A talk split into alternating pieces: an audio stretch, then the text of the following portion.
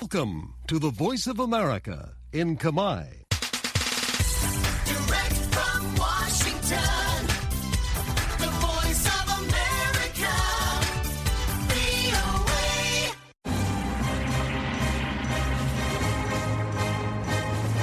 សួស្តីប្រិយមិត្តអ្នកស្ដាប់ជាទីមេត្រី នៅក្នុងកម្មវិធីផ្សាយតាមវិទ្យុរបស់ VOA នៅព្រឹកថ្ងៃសៅរ៍ទី17ខែកុម្ភៈឆ្នាំ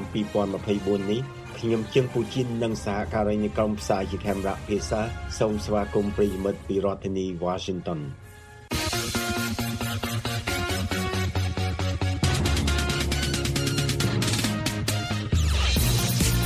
នៅក្នុងការផ្សាយរបស់ VOA នៅវេលាព្រឹកនេះយើងខ្ញុំមានសេចក្តីរាយការណ៍អំពីការដោះលែងលោកថាក់ស៊ីនធ្វើឡើងចំពេលចំនួនចាស់បានបញ្ចប់តែចំនួនថ្មីបានចាប់ផ្ដើម ព្រឹទ្ធសភាសហរដ្ឋអាមេរិកអនុម័តកញ្ចប់ជំនួយថវិកា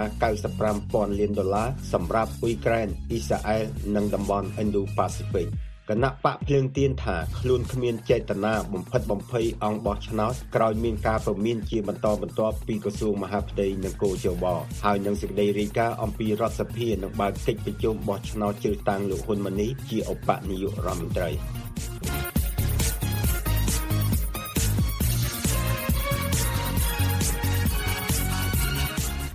ការប្រកាសរបស់អាជ្ញាធរថៃអំពីការដោះលែងអតីតនាយករដ្ឋមន្ត្រីថៃលោកថាក់ស៊ីនឈីណាវ៉ាត់ត្រូវអ្នកវិភាគមើលឃើញថានេះគឺជាសញ្ញាមួយនៃការតម្រែតម្រង់អំណាចថ្មីនៅក្នុងប្រទេសថៃ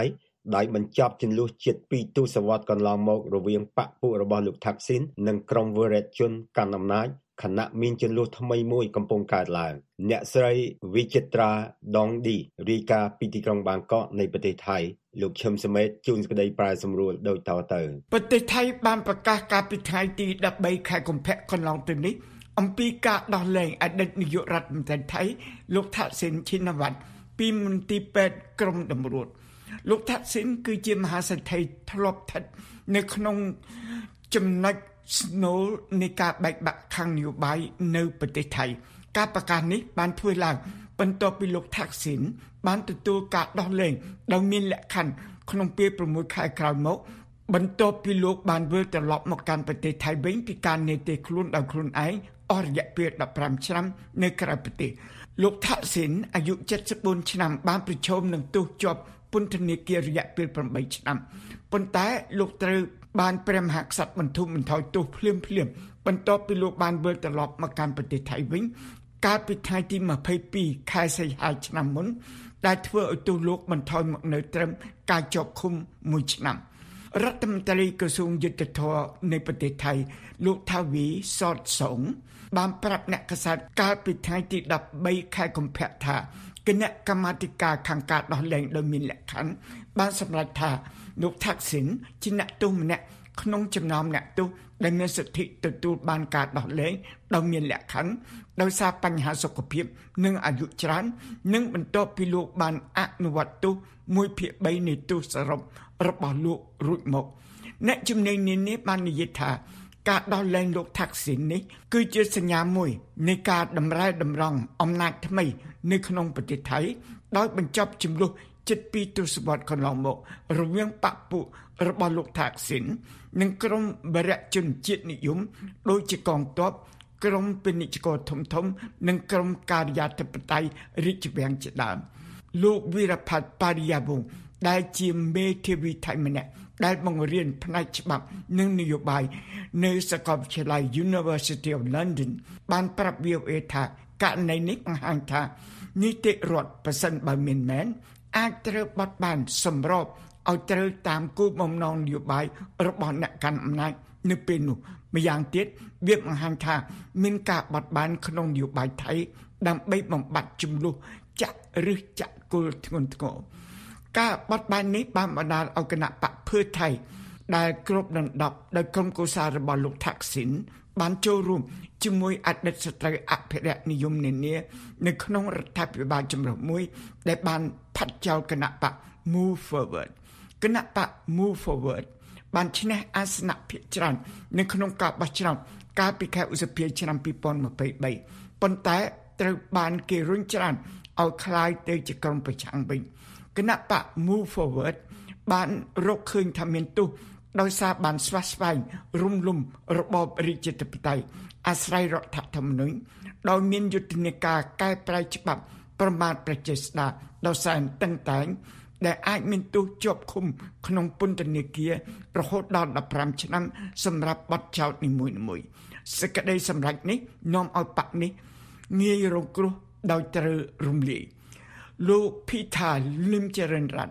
មេដឹកនាំគណៈបក Move Forward ដែលជាអ្នកនយោបាយមានប្រជាប្រិយភាពបំផុតនៃប្រទេសថៃក៏ប្រឈមនឹងបញ្ហាផ្លូវច្បាប់មួយចំនួន ដែលអាចបញ្ចប់មហិច្ឆតារបស់លោកក្នុងការដឹកនាំប្រទេសជារៀងរហូត ពីព្រោះលោកខ្លាចជាការគម្រាមកំហែងធំដល់ពួកអ្នកកាន់អំណាចលោកវីរផាត់បានបន្ថែមថា មានការខាតពេលវេលាច្រើនអំពីបញ្ហាលោកថាក់ស៊ីន លោកត្រូវបានលៀបពណ៌ជាអ្នកប្រឆាំងនឹងរបបរាជាធិបតេយ្យតែ20ឆ្នាំក្រោយនឹងមានរដ្ឋប្រហារពីរលើកបន្ទាប់មកលោកត្រូវបានលើកឡើងទោសដោយព្រះរាជាលោកវីរផាត់បានថ្លែងទៀតថាខ្ញុំសង្ឃឹមថា យើងមិនធ្វើដដែលដដែលទៀតជាមួយលោកភិថានិងគណៈបកមូ Forward ទេលោកថាក់ស៊ីន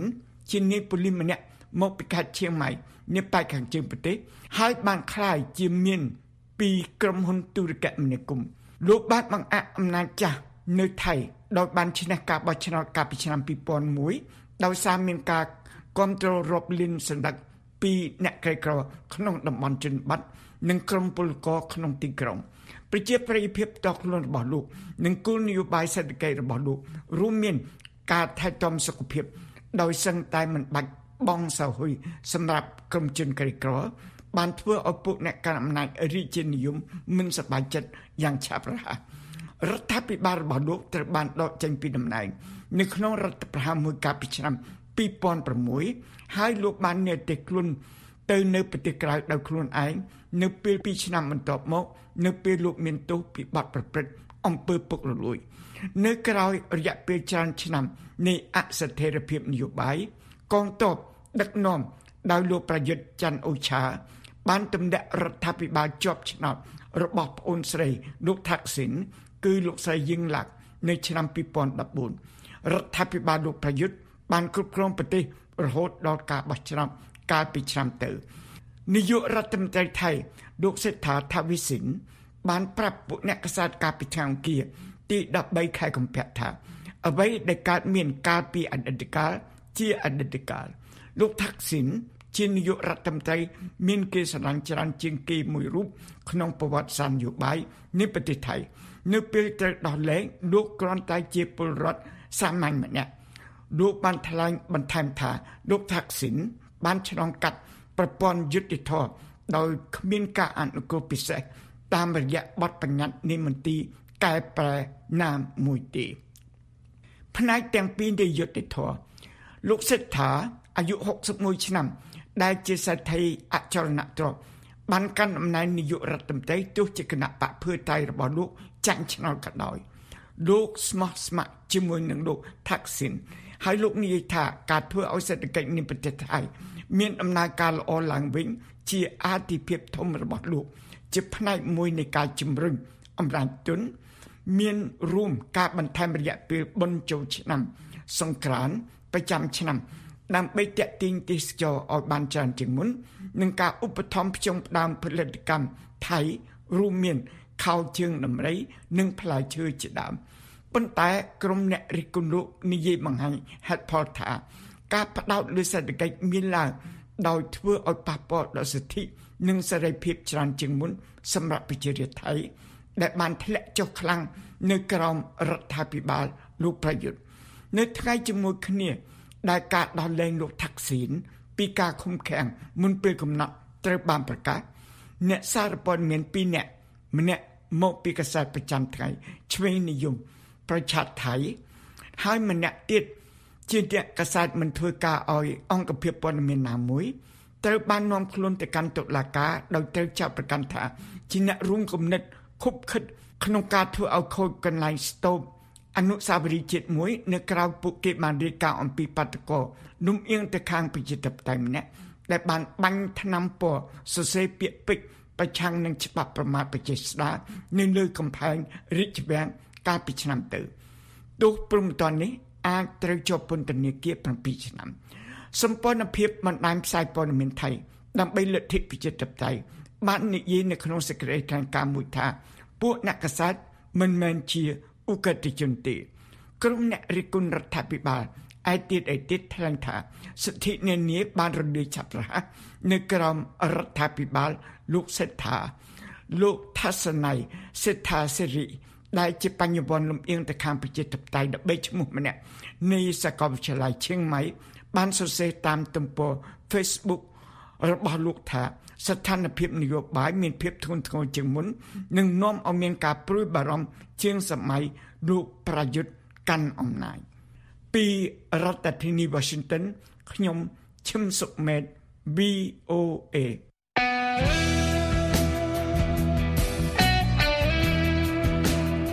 សួស្តីអស់លោកអ្នកនាងជាទីមេត្រីលោកអ្នកនាងអាចតាមដានព័ត៌មានទាន់ហេតុការណ៍និងថ្មីៗពី VOA តាមរយៈបណ្ដាញសង្គម X ដែលពីមុនហៅថា Twitter VOA នាំមកជូនលោកអ្នកនៅព័ត៌មានសំខាន់សំខាន់ដែលអាចទុកចិត្តបានអំពីប្រទេសកម្ពុជា និងអំពីប្រទេសផ្សេងផ្សេងក្នុងពិភពលោកសូមលោកអ្នកនាងចូលទៅកាន់អាសយដ្ឋាន x.com/voa ខ្មែររួចចុចពាក្យ follow សូមអរគុណ។។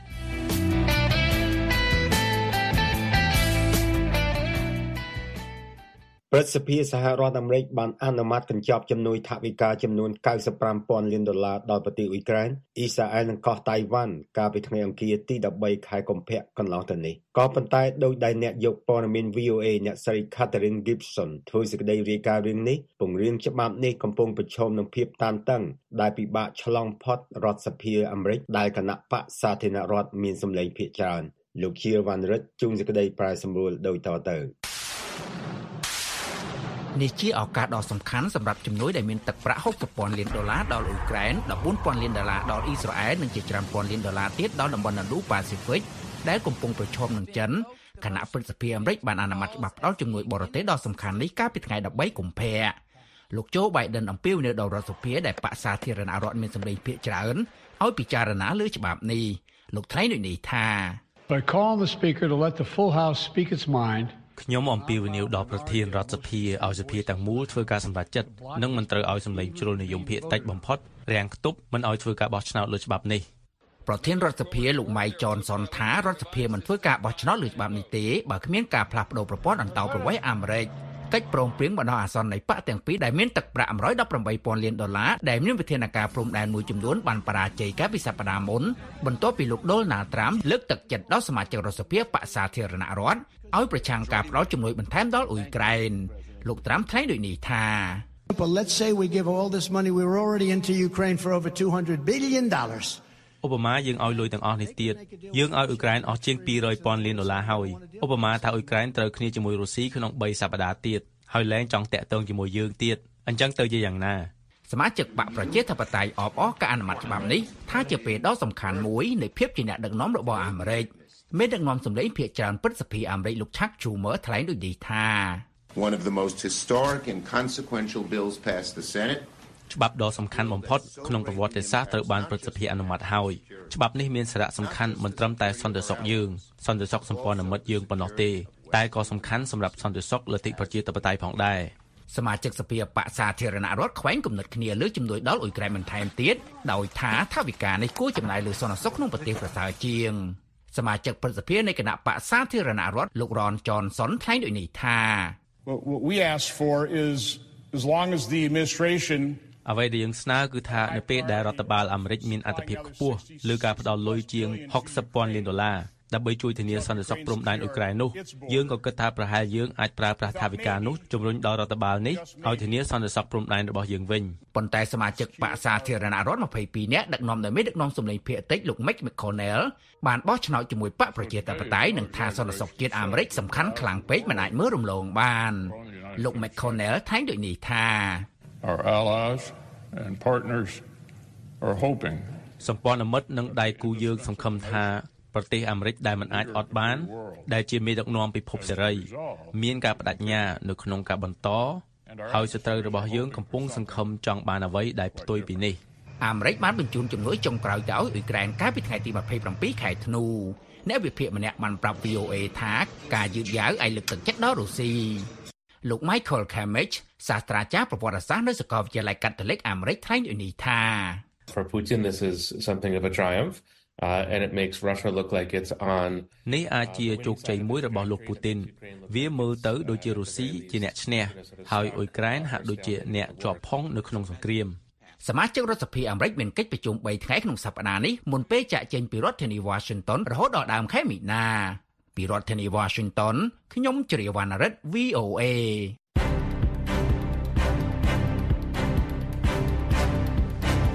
អស់លោកអ្នកនាងកំពុងតែស្ដាប់កម្មវិធីផ្សាយរបស់ VOA ពីរដ្ឋធានី Washington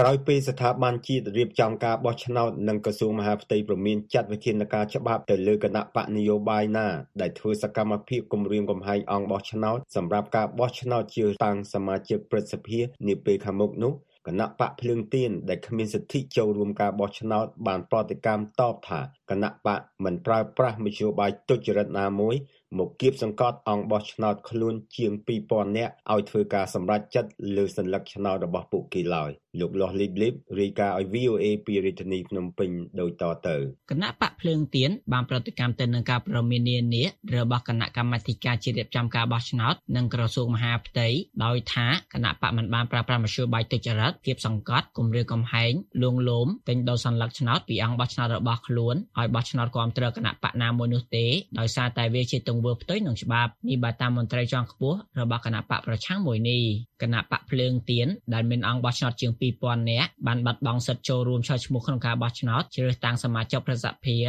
ដែលនឹងរៀបចំឡើងនៅថ្ងៃទី25ខែកុម្ភៈឆ្នាំ2024ព្រោះគណៈបកនៅមិនអាចបង្ហាញឯកសារដើមបញ្ជាក់អំពីការចុះបញ្ជីគណៈបកនៅក្រសួងមហាផ្ទៃឆ្លើយតបទៅនឹងសេចក្តីប្រកាសព័ត៌មានរបស់ក្រសួងមហាផ្ទៃជុំវិញការគៀបសង្កត់អង្គបោះឆ្នោតអគ្គលេខាធិការគណៈបកភ្លើងទៀនលោកលីសុធិរាយុទ្ធប្រាប់ VOA នៅថ្ងៃសុក្រនេះថាគណៈបកគ្មានបំណងទុច្ចរិតទៅគៀបសង្កត់គំរាមកំហែងឬលួងលោមទិញដូរសញ្ញាឆ្នោតនោះទេ កាលពីថ្ងៃប្រហ័សម្សិលមិញមន្ត្រីចောင်းខ្ពស់គណៈបកជំទាស់រូបនេះក៏អះអាងដូចគ្នានេះផងដែរតែកតិនការព្រមានរបស់ស្ថាប័នគឺចបលោកថាគណៈបកបានផ្ដល់សិទ្ធិសេរីភាពដល់អង្គបោះឆ្នោតជាង2000នាក់ដែលជាក្រុមប្រឹក្សាគុំសង្កាត់ជាប់ឆ្នោតឆ្នាំ2022ឲ្យធ្វើការសម្រេចចិត្តលើសញ្ញាឆ្នោតទៅតាមឆន្ទៈនយោបាយរបស់ពួកគេជាទូទៅគណៈបកភ្លើងទៀនក៏ដូចជាបេក្ខជនបេក្ខជនរបស់គណៈបកឆន្ទៈខ្មែរដែលជាគណៈបកដៃគូរបស់យើងតែងតែគោរពច្បាប់ស្តីពីការបោះឆ្នោតជ្រើសតាំងសមាជិកប្រសិទ្ធភាពហើយច្បាប់ផ្សេងផ្សេងទៀតដែលកំពុងធ្វើមាននៅក្នុងប្រទេសកម្ពុជាយើងយើង មិនដែលប្រើប្រាស់មធ្យោបាយគម្រាមកំហែងឬឬក៏បំផិតបំភ័យលើអង្គបោះឆ្នោតឬក៏ជំរុញឬក៏បង្ខំឲ្យអង្គបោះឆ្នោតរបស់យើងបោះឆ្នោតឲ្យគណៈបកនេះឲ្យគណៈបកនោះទេកាលពីថ្ងៃប្រហ័សក៏ជបបានចេញសេចក្តីថ្លែងការណ៍មួយដោយប្រមានប្រាចំណាត់ការផ្លូវច្បាប់ចំពោះគណៈបញ្ញយោបាយណាដែលធ្វើសកម្មភាពគំរាមនិងទិញទឹកចិត្តអង្គបោះឆ្នោតដោយហេតុថាសកម្មភាពទាំងនោះជាការរំលោភសិទ្ធិសម្រេចចិត្តរបស់អ្នកបោះឆ្នោតនិងប៉ះពាល់ដល់ការសម្ងាត់ក្នុងដំណើរការបោះឆ្នោត ក្រសួងមហាផ្ទៃក៏បានចេញសេចក្តីប្រកាសព័ត៌មានមួយផងដែរកាលពីថ្ងៃទី15ខែកុម្ភៈដោយបានរៀបរាប់ថាក្រសួងសង្កេតឃើញថាគណៈបកនយោបាយខ្លះបាននឹងកំពុងធ្វើសកម្មភាពបង្ខិតបង្ខំឲ្យសមាជិកក្រុមប្រឹក្សាគុំសង្កាត់ដែលជាអង្គបោះឆ្នោតឲ្យបោះឆ្នោតជូនគណៈបកដែលខ្លួនបានជ្រើសរើសទាំងស្ថាប័នកើជើបនិងក្រសួងមហាផ្ទៃមិនបានបញ្ជាក់ចោលឈ្មោះគណៈបកណាមួយនោះទេប៉ុន្តែក្រសួងមហាផ្ទៃបញ្ជាក់ក្នុងសេចក្តីប្រកាសព័ត៌មានរបស់ខ្លួនថាគណៈបកខ្លះបានគម្រាមកំហែងលើអ្នកបោះឆ្នោតថាបើនរណាមិនបោះឆ្នោតឲ្យគណៈបកដែលខ្លួនណែនាំនោះទេអ្នកមានសិទ្ធិបោះឆ្នោតទាំងនោះនឹងត្រូវប្រឈមនឹងការបណ្តេញចេញពីសមាជិកគណៈបកនិងដកហូតទូនាទីក្រុមប្រឹក្សាឃុំសង្កាត់ក្រសួងមហាផ្ទៃថារូបភាពនេះជាទម្រង់នៃការគម្រាមកំហែងលើអ្នកបោះឆ្នោតនិងជាអំពើដែលត្រូវផ្ដន្ទាទោសតាមមាត្រា142ថ្មីនៃច្បាប់ស្តីពីការបោះឆ្នោតជ្រើសតាំងតំណាងរាស្ត្រដែលចែងកំណត់ដោយច្បាប់ស្តីពីការបោះឆ្នោតជ្រើសតាំងសមាជិកព្រឹទ្ធសភានេះបើតាមសេចក្តីប្រកាសព័ត៌មានដដែលនោះ VOA មិនតរសុំការអធិប្បាយពីអ្នកនាំពាក្យក្រសួងមហាផ្ទៃលោកទូសុខានិងលោកខៀវសុភ័ក្ររដ្ឋលេខាធិការក្រសួងមហាផ្ទៃបាននៅឡើយទេមាត្រា142ថ្មីនៃច្បាប់ស្តីពីវិសោធនកម្មបោះឆ្នោតដែលព្រះមហាក្សត្រឡាយព្រះហស្ថកាលពីថ្ងៃទី4ខែកក្កដាឆ្នាំ2023ចែងថាចំពោះជនណាដែលធ្វើឲ្យបាត់បង់ទំនុកចិត្តលើការសម្ងាត់នៃការបោះឆ្នោតទិញសញ្ញាឆ្នោតដោយសម្ភារៈឬដោយប្រកាសធ្វើឲ្យខូចរបៀបរៀបរយក្នុងពេលបោះឆ្នោតនិងឲ្យអ្នកគាំទ្រឬអ្នកបោះឆ្នោតប្រព្រឹត្តអំពើរំលោភបំពានអំពើគំរាមកំហែងអំពើហិង្សាទៅលើបេក្ខជនឬទៅលើគណៈបកនយោបាយដទៃជាដើមនោះជននោះត្រូវផាកពិន័យជាប្រាក់ពី5លានរៀលដល់20លានរៀលដោយគណៈកម្មាធិការជាតិរៀបចំការបោះឆ្នោតនិងពុំទាន់គិតដល់ទោសប្រមត្តផ្សេងទៀត មន្ត្រីសម្របសម្រួលជាន់ខ្ពស់នៃអង្គការ Confrel ដែលតាមដានការបោះឆ្នោតនៅកម្ពុជាលោកកនសាវាងថ្លែងថាការឃោសនាបោះឆ្នោតគឺសំដៅដល់ការបញ្ចុះបញ្ចូលអំពីវនីវលើកទឹកចិត្តនិងពន្យល់អំពីគោលនយោបាយរបស់គណៈបកនីមួយៗឲ្យអង្គបោះឆ្នោតសម្រេចចិត្តបោះឆ្នោតគ្រប់គ្រងគណៈបកនោះលោកបន្ថែមថាការធ្វើដូច្នេះជាការអនុវត្តស្របតាមច្បាប់ប៉ុន្តែបើមានការធ្វើសកម្មភាពទិញសញ្ញាឆ្នោតការប្រើប្រាស់អំពើហិង្សានិងការគំរាមកំហែងដល់អ្នកបោះឆ្នោតនោះទង្វើនោះត្រូវបានចាត់ទុកថាខុសច្បាប់ up កន្លងមកគណៈបកយោបាយមួយមួយក៏ធ្លាប់ដែរណាមានការបញ្ចុះបញ្ចូលមានការលាវនាវមានការឃោសនាឲ្យបោះឆ្នោតឲ្យគណៈបកយោបាយខ្លួនណាបាទអាហ្នឹងកន្លងមកគឺមានហើយវាមិនមែនជារឿងដែលខុសច្បាប់ទេអ្វីដែលចាត់ទុកខាតខុសច្បាប់គឺជាការទិញទិញស្លឹកឆ្នោតណាការប្រើអំពើហិង្សាការគំរាមកំហែងការបង្ខំអ្នកបោះឆ្នោតណាការធ្វើឲ្យមានការភ័ន្តច្រឡំអាហ្នឹងបានជាអំពើមួយដែលវាខុសជាមួយច្បាប់ការបោះឆ្នោតព្រឹទ្ធសភាឬហៅថាការបោះឆ្នោតអសកលនាពេលដ៏ខ្លីខាងមុខនេះនឹងមានគណៈបកចំនួន4ចូលរួមប្រកួតប្រជែងដណ្ដើមអាសនៈដែលមានចំនួន62នៅព្រឹទ្ធសភា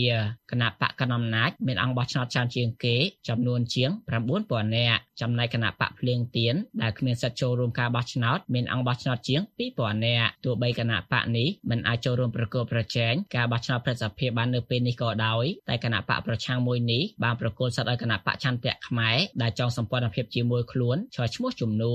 គណៈបកពីរទៀតគឺរួមមានគណៈបកហ្វុនស៊ីមប៉ាច់ដែលជាគណៈបកចាស់វសាមួយមានអង្គបោះឆ្នោតជាង20នាក់ចំណែកគណៈបកថ្មីដែលក្រសួងមហាផ្ទៃទទួលស្គាល់ជាផ្លូវការកាលពីថ្ងៃទី12ខែតុលាឆ្នាំ2023គឺគណៈបកកម្លាំងជាតិមិនមានអង្គបោះឆ្នោតរបស់ខ្លួននោះទេ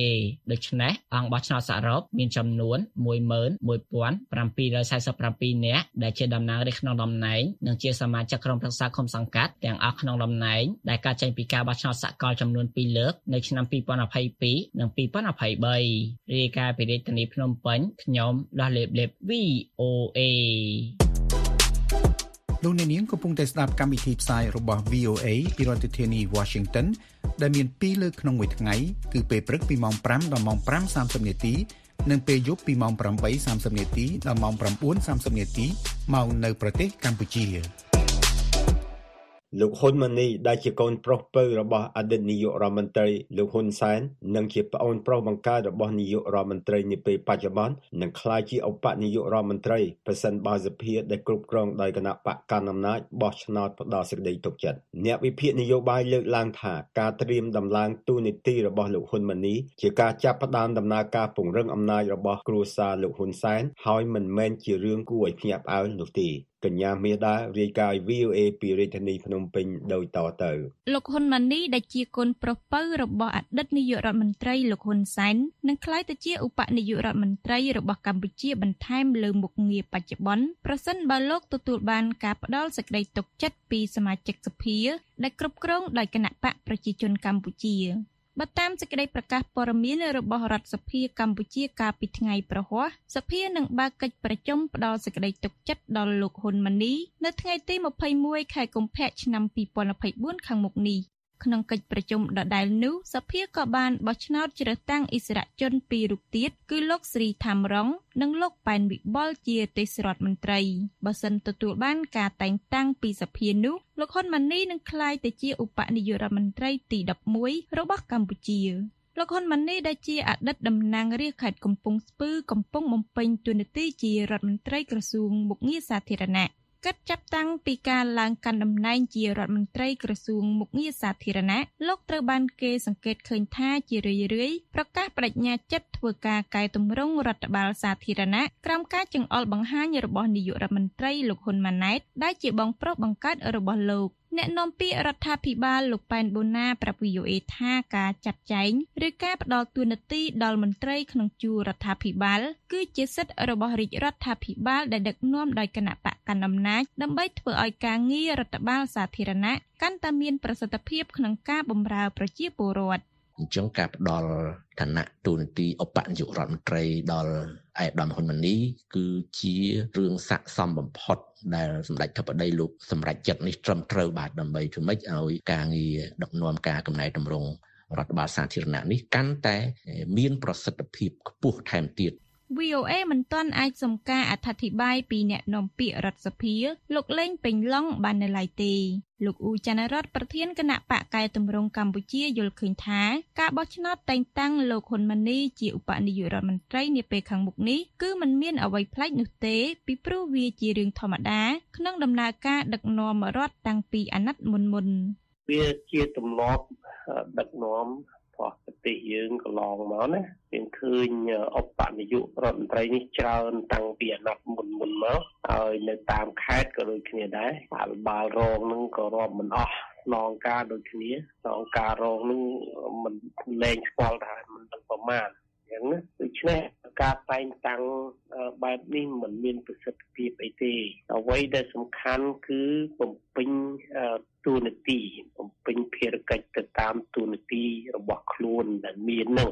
យ៉ាងណាក្តីប្រធានគណៈបកក្រៅរដ្ឋាភិបាលរូបនេះមិនចង់ឃើញការតែងតាំងទូនាទីឧបនាយករដ្ឋមន្ត្រីច្រើនបែបនេះនោះទេ ខ្ញុំមិនចង់ឃើញវប្បធម៌តែងតាំងនឹងច្រើនពេកហើយតាំងពីលើដល់ក្រោមយើងឃើញហើយថ្នាក់ខេត្តថ្នាក់ស្រុកស្នងការក្រសួងមួយមួយនឹងរដ្ឋលេខាធិការនឹងមិនដឹងយកដំណើរអស់ហើយវាជាវប្បធម៌មួយមិនប្រសើរទេការតែងតាំងច្រើនហើយមិនទទួលខុសត្រូវចំពោះ ទូនាទីរបស់ខ្លួនវាជាការខាតបង់របស់ប្រជាប្រដ្ឋទេព្រោះត្រូវចំណាយថវិការដ្ឋដែលជាពន្ធរបស់ប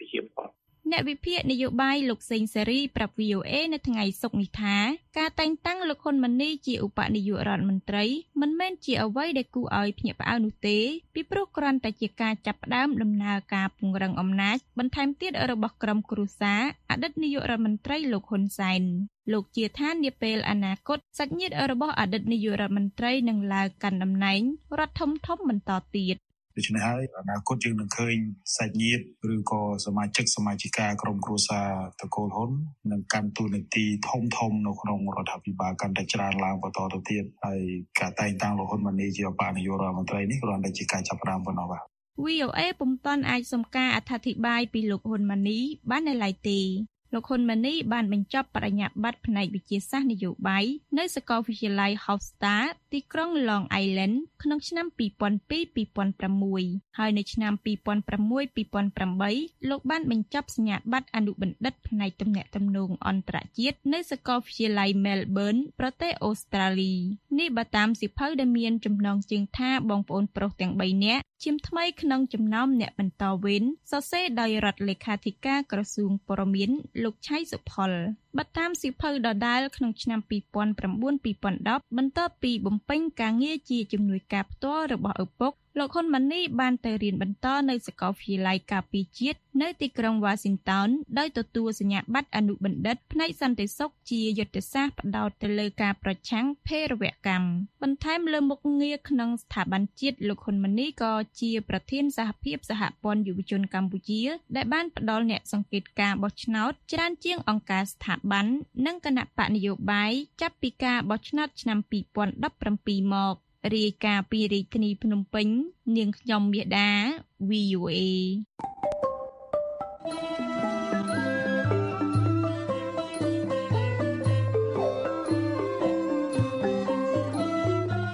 កម្មវិធីផ្សាយរបស់ VOA នៅព្រឹកនេះចប់តែត្រឹមនេះសូមអរលោកអ្នករងចាំស្ដាប់ សេចក្តីរាយការណ៍ព័ត៌មានជាតិនិងអន្តរជាតិរបស់ VOA នៅក្នុងការផ្សាយបន្តផ្ទាល់របស់យើងខ្ញុំនៅរាត្រីនេះទៀតពីម៉ោង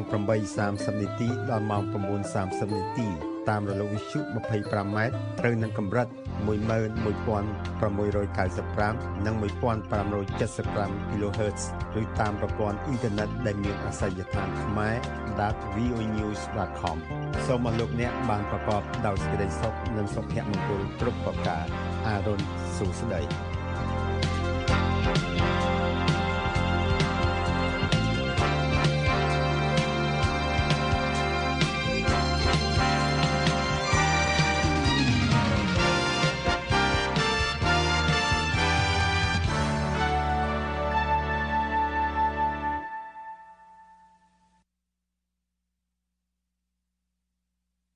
This program has come to you from the Voice of America, Washington.